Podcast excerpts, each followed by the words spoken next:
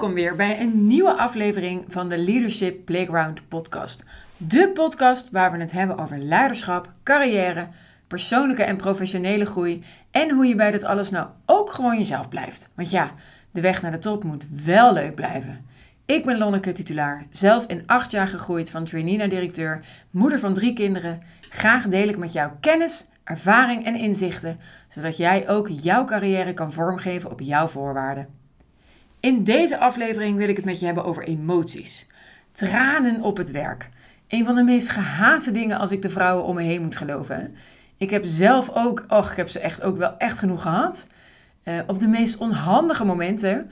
En vaak bij mensen die ook dan gewoon niet weten wat ze ermee moeten doen. En ik heb daar een post op een gegeven moment over gedeeld op LinkedIn. Ik merkte daar veel reactie op. Ook mensen die in mijn DM daarop kwamen, mij daarover benaderden. En ze hadden van, ja Lonneke, wat doe ik daar nou mee?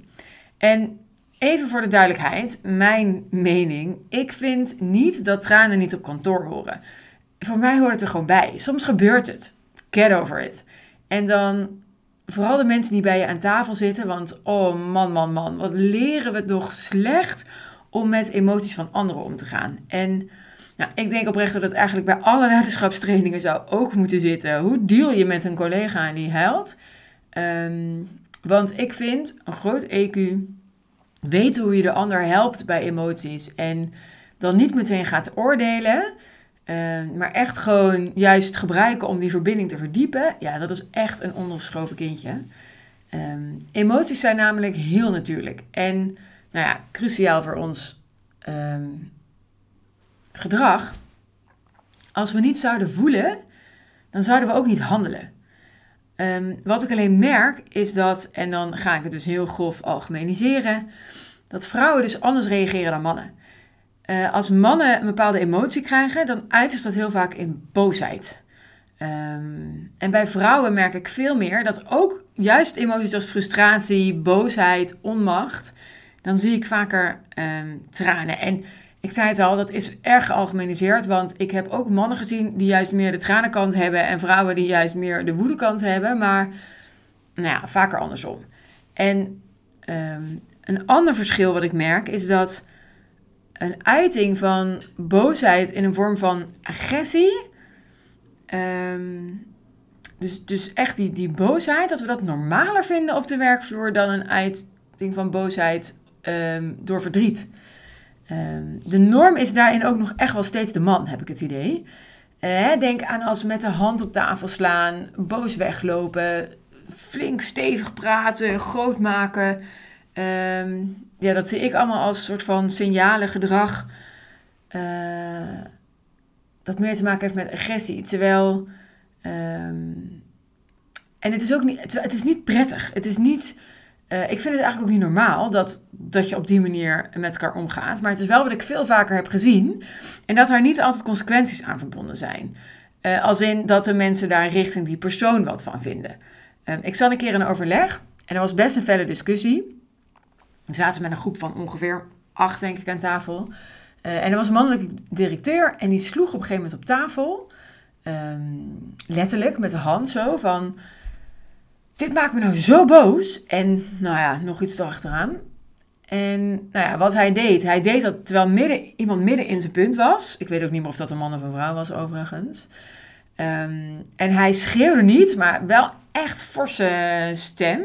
Gewoon stevig, ook gewoon, nou ja, echt dat groot maken. Uh, en iedereen keek op en nou, het viel natuurlijk echt mij stil. Zo van, ja, en nu? Um, nou, de voorzitter stelde toen voor hè, om even te onderbreken en later uh, verder te gaan. En het grappige, of wat ik wel merkte daarna, is dat iedereen dus onder de indruk was van die directeur. Hè, want hij had de juiste interventie gedaan. Wat goed dat hij zich uitgesproken had. En nou ja, nog veel meer complimenten die je kan bedenken. En ik dacht, hoezo goed? Hij heeft bruut een discussie afgekapt. Um, iemand volledig onderbroken. Was dus niet aan het luisteren, alleen maar met zichzelf bezig. Met zijn eigen punten, zijn eigen, dat hij boos werd. Hoezo is dit constructief? Of hoezo... Nou ja, wat is hier nou zo heel positief aan? En uh, ik denk dan, als hij dat had gedaan op een moment zonder iemand te ontbreken. En als je gewoon merkt van, hé, hey, ik krijg hier emotie bij. Is het een idee om even pauze te nemen? Of hè, een, een procesinterventie? En nu vond ik het gewoon lomp. Ehm, en ik vond het dus ook irritant, dat merkte ik ook aan mezelf, dat hij zijn status als leider dus eigenlijk mega vergroot had.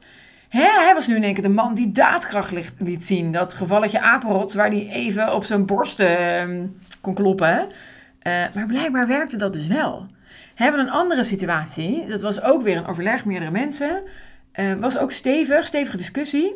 En nou ja, ik merkte al, er zat een vrouw, vrouwelijke manager. En die, ja, ze werd op een gegeven moment een beetje zo rode wangen. Uh, ik zag die frustratie. En uh, ik was, snapte ook wel waarom, want er werd niet geluisterd. Het was echt, nou ja, het ging alle kanten op. Voorzitter greep ook niet in.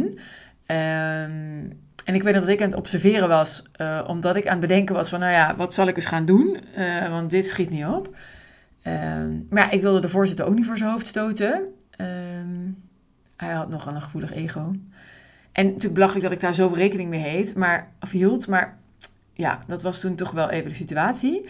En die vrouwelijke manager die werd stiller. En op een gegeven moment zag ik ook dat gezicht een beetje betrekken, weet je, die mond wat strakker en tranen. En toen zei ze iets van ja, sorry. En liep de ruimte uit. En ja, toen, hè, uh, volgens mij kreeg de voorzitter ook al door dat het niet handig was. Dus die had weer even pauze. Uh, en toen waren de geluiden meer van, hé, wat gebeurt er? Waarom moesten we dan huilen? Zo erg was het toch niet? We hadden gewoon een felle discussie, bla bla. En bij, wat ik merkte in het verschil met die man toen, is dat haar emotie was haar schuld. Zij was zwak, zij kon het niet aan. Uh, waar de directeur terecht en hij deed de juiste interventie en oh, het was helemaal goed, was bij haar dat het, ja, zij was gewoon zwak. Ze was niet weerbaar genoeg. En ik kan me voorstellen, en dat, dat merk ik aan mezelf ook wel, dat als je dat een paar keer als vrouw meemaakt en je ziet dat zo gebeuren of je hoort dat van anderen, dat je dan dus ook de, de gedachte krijgt van nou, emoties zijn fout. Dan ben ik dus zwak, dan ben ik niet meer uh, professioneel, dan ben ik niet meer goed. Probeer je nog een soort van weg te lopen dat mensen het maar niet zien. Wat, ja, meestal zien ze het wel. Um, of dat je je nog zit te verbijten, maar uiteindelijk komen ze toch. En ik had zoiets van, ja, maar dit moet toch anders kunnen? Het moet toch oké zijn om die emoties te hebben? Dat wegdrukken, waarom is dat het normale? Dit hoort er gewoon bij mens zijn. En het moment dat je wegloopt namelijk, je verliest de verbinding. Um, met de ander, maar ook met jezelf. Want je begint natuurlijk in je hoofd zit je zo van, hè, dit kan niet, dit mag niet, het is zwak, het is belachelijk, ik, het is niet zakelijk, ik moet het wegdrukken. Ja, en hoe meer je dat denkt, hoe harder die tranen natuurlijk gaan stromen. Want ja, je zit jezelf alleen maar helemaal neer te praten. Hè? Uh, dus al die verhalen die je jezelf vertelt, het helpt niet.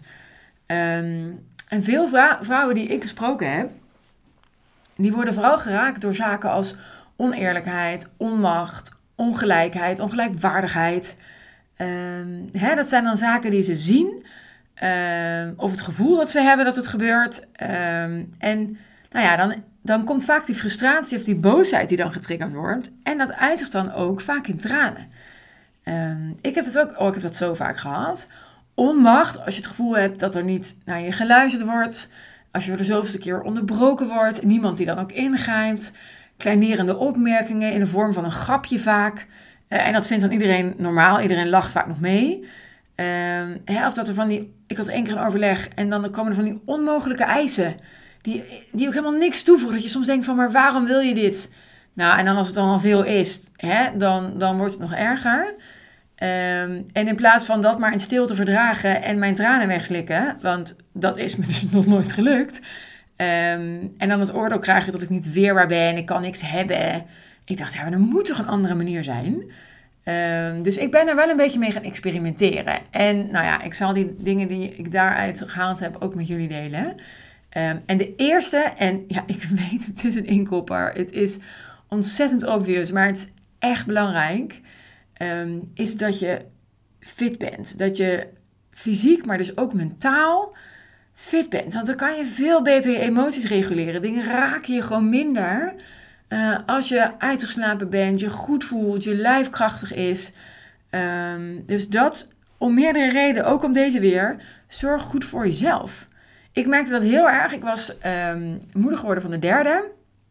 En ik vond het toen heel lastig om weer erin te komen. Lastiger dan met die twee keer ervoor. Um, en ik denk dat dat ook wel een beetje met de rol te maken had. Maar ik was natuurlijk vier maanden gewoon fysiek afwezig geweest. Dus letterlijk niet zichtbaar. En een bepaald dossier waren er besluiten genomen. Uh, ja, daar was ik echt niet blij mee voor het onderwerp en de afdeling. Um, en ik merkte dat ik toen terugkwam dat het dus echt het gevoel, dat ik heel erg het gevoel had dat ik weer moest vechten om die positie weer te pakken. Uh, om die invloed weer te krijgen, uh, zodat het ook voor onze afdeling en voor het onderwerp, dat ik daar weer ja, mijn dingen kon gaan agenderen. Um, en tuurlijk, ik had een baby thuis, dus slapen was nog niet echt gegarandeerd. Um, en ik merkte gewoon hoe ik schommelde in emoties, omdat ik gewoon zo moe was. En oh, dat nam ik me absoluut niet kwalijk, want het was gewoon wat het was. Um, maar ik had er wel last van. Dus ik weet ook, na twee maanden of zo, drie maanden, dat ik dacht, oké okay, maar dit moet anders. Dus wat je wel kan doen, kijk, op die slaap had ik niet alle invloed, maar we konden wel kijken, hey, hoe kunnen mijn man en ik dat goed afwisselen? Dat we in ieder geval maximaal slaap kregen voor wat kon. Uh, weer sporten. Uh, het hardlopen heb ik toen weer opgepakt. Uh, eten dus echt weer zorgen dat je gewoon gevoed wordt in plaats van gevuld. Um, dat ik mijn ontspanning nam, dat ik tijd voor mezelf nam. Kijk, die dingen, daar had ik natuurlijk wel invloed op. Uh, en dus daar ook een prioriteit aan geven. En nou ja, toen ik merkte dat je dan weer sterker en steviger uh, staat, dan kom je dus ook zo op het werk. En nou, dingen raakten me minder snel. Ik kon makkelijker vanuit meer afstand reageren. Had ja, meer grip op mijn emoties. Het was gewoon, ik kon het beter reguleren. was minder snel van de kaart. En ja, dat vond ik wel heel prettig. Um, en dat betekent niet per se dat ik minder emoties had, maar ik kon er gewoon iets beter mee omgaan. Uh, het was makkelijker om dingen weer um, um, zakelijk te nemen in plaats van persoonlijk. en nou ja, waar ik ook op een gegeven moment wel heel erg mee ging spelen, was ook weer een klein experimentje, uh, was dus mijn cyclus. Dus uh, hè, ik wist gewoon in, in cyclus van de maand dat er bepaalde momenten waren dat ik beter geen belangrijke afspraken kon plannen. En juist momenten waarop ik wist, oh, daar kan ik echt gaan knallen. En tuurlijk, in de functie, je hebt er niet altijd controle over. Weet je, ik kreeg ook zware dossiers, ingewikkelde afspraken met spoed ingepland op dagen dat ik dacht, oh. Maar wat ik dan wel kon doen, is zorgen dat ik hè, voor mijn afspraak, na mijn afspraak, voldoende tijd om even weer uh, wat rust te pakken. Om te kijken of ik dan maar in ieder geval één zo'n afspraak, dat ik de rest van de dag wat makkelijker kon houden. Um, en ik wist ook dat de dagen waarop ik piekte, um, ja, kon ik alles aan. Dus hoe moeilijker, hoe ingewikkelder, hoe beter. Dus, dus dat hielp me op een gegeven moment ook wel. Nou, een tweede, en ja, ik moet er altijd een beetje om lachen als ik het zeg, maar dat heeft me wel echt geholpen, is uh, werken met een alter ego. En um, als ik wist bijvoorbeeld dat ik een, een bepaald overleg had, waar ik echt dacht van oké, nu moet ik hier even staan en vlammen, dan stapte ik in mijn Athena-rol. En Athena staat voor de godin die um, strategisch, krachtig, um, ja, een beetje de, topvrouw. Um, en wat ik dan dus doe, dan vlak voor dat overleg, dan ga ik even uh, in mijn hoofd een stukje visualiseren. Uh, hè, zoals Mega Mindy in de transformatiemachine stapt, uh, ga ik even mijn hoofd in en dan ga ik dus in die Athena-rol zitten. En wat ik dan vooral doe, is voelen hoe voel ik me als Athena? Dus dat zelfvertrouwen, hoe loop ik dadelijk binnen? Welk punt wil ik maken? Hoe doe ik dat? Hoe ga ik dat dan maken als Athena? Uh, dus echt mijn strategische zakelijke ik. En um, hè, misschien dat voor jou wel de zakelijke Zoe, strategische Sarah, of assertieve Anna, whatever works. Maar voor mij, het werkt als een tierenlier. En uh, nou ja, er zit ook heel veel theorie achter. Dat is een beetje uitgebreid om helemaal op in te gaan. Um, maar dat bij mij begint het dus echt met echt zoals die gaan voelen. Dus dat je je ook echt even in die emotie, dus, dus van binnen in dat gevoel. En uh, wat ik dan dus ook deed, is tijdens het overleg, dan had ik zo'n um, een post-itje op een boekje geplakt. Ik had altijd een schrijfboekje mee. En daar stond dan ook Athena op. Dat als ik wist even in een overleg dat ik er even, dan, dan kwam dat weer in mijn ogen. En dan wist ik weer, oh ja, en dan hop, zakte ik weer in het gevoel. En dan zat ik er weer. Uh, ja, ik weet dat het heel raar klinkt, maar het werkte als een tierenleer. Nou, bel me als je denkt van, hé, hey, ik wil daar meer over weten. Uh, stuur, me, stuur me een berichtje, want echt als een malle. Um, en de derde, en dat is uiteindelijk denk ik de meest constructieve, maar wel de lastigste. Dat is leren om die emotie te benoemen. Um, ik heb namelijk gemerkt als ik daar gewoon echt vanuit die zelfverzekerdheid die emotie een soort van own... Um, dan stap ik eigenlijk, en ik spreek dat uit, dan stap ik in die verbinding met de ander. Um, dus als ik op een gegeven moment merkte van, oh, er, gebeurt iets. Ehm, en het niet dat het elke dag was hoor, gelukkig. Ehm, maar dat je dan dus even aangeeft van dat je op een gegeven moment zegt van, oh, ik merk dat, dat ik geraakt ben. Ehm, en in het begin, nou, zei ik dat en dan wist ik, kon nog niet meteen duiden waarom. Maar als je dat dus vaker gaat doen, raak je daar dus ook weer meer geoefend in. En dan kon ik vaak ook wel benoemen wat hetgene was wat me dan raakte. Was het een zin, een woord, een manier waarop iets gezegd wordt, of uh, een bepaald gedrag, of een situatie. Ehm, en door dat te benoemen, pakte ik dus juist die verbinding met die ander. Ehm, en vaak waren de reacties ook heel positief. Ander heeft vaak helemaal niet door dat er bij jou iets geraakt wordt door zijn of haar woorden. Ehm, ze doen het ook niet expres. Tenminste, dat heb ik gelukkig nog nooit meegemaakt. dan wordt het gewoon pest, hè? Dat is echt een heel ander verhaal. Uh, dan gaan we meer naar de toxic eh, environment. Um, en ik denk zeker met mensen met wie je vaker samenwerkt. Kijk, als het een setting is waar je één keer bij elkaar komt. Ja, weet ik niet of het werkelijk toegevoegde waarde heeft. Dan zou ik echt vooral stappen in je uh, niet huilende Noah. En uh, probeer hem even op die manier te doen. En dan ga je dus conformeren aan de norm. I know, maar soms is dat ook gewoon even handig en het meest effectief. Um, als het zeker collega's zijn waar je vaker mee werkt, dan denk ik dat dit, dat leren benoemen en dat op die manier de, de verbinding verdiepen, um, ja, dat dat gewoon echt werkt. Dus die, want als jij je kwetsbaar opstelt, ehm, dan maak je het voor de ander ook mogelijk om meer kwetsbaar te zijn. Je, je, ja, je, je komt echt in een nieuw level van verbinding. Uh, en, als, en als je dat eenmaal, dat level hebt met elkaar, dan wordt het dus ook makkelijker om dat ook op andere dingen uh, te doen en te benoemen. En dan op een gegeven moment zul je merken dat je ook al, dan krijg je met elkaar de dingen door. Dan weet je al, hé, hey, dit is jouw gebruiksaanwijzing, die van mij. Ja, dan wordt het makkelijker. Um, het is mijn ervaring ook met mensen die ik gewerkt heb in best wel um, intense settings. Dus, dus echt een crisis of um, uh, dus waar je de, de emotie sowieso al hebt. Als dat één keer, dan kan, dat, kan je twee dagen met elkaar een weekend met elkaar gezeten hebben. En dan vaak daarna is die samenwerking ook gewoon beter. Omdat je dat met elkaar... Je hebt met elkaar in die kwetsbaarheid gezeten. Je hebt met elkaar dat, dat meegemaakt. Um, nou ja.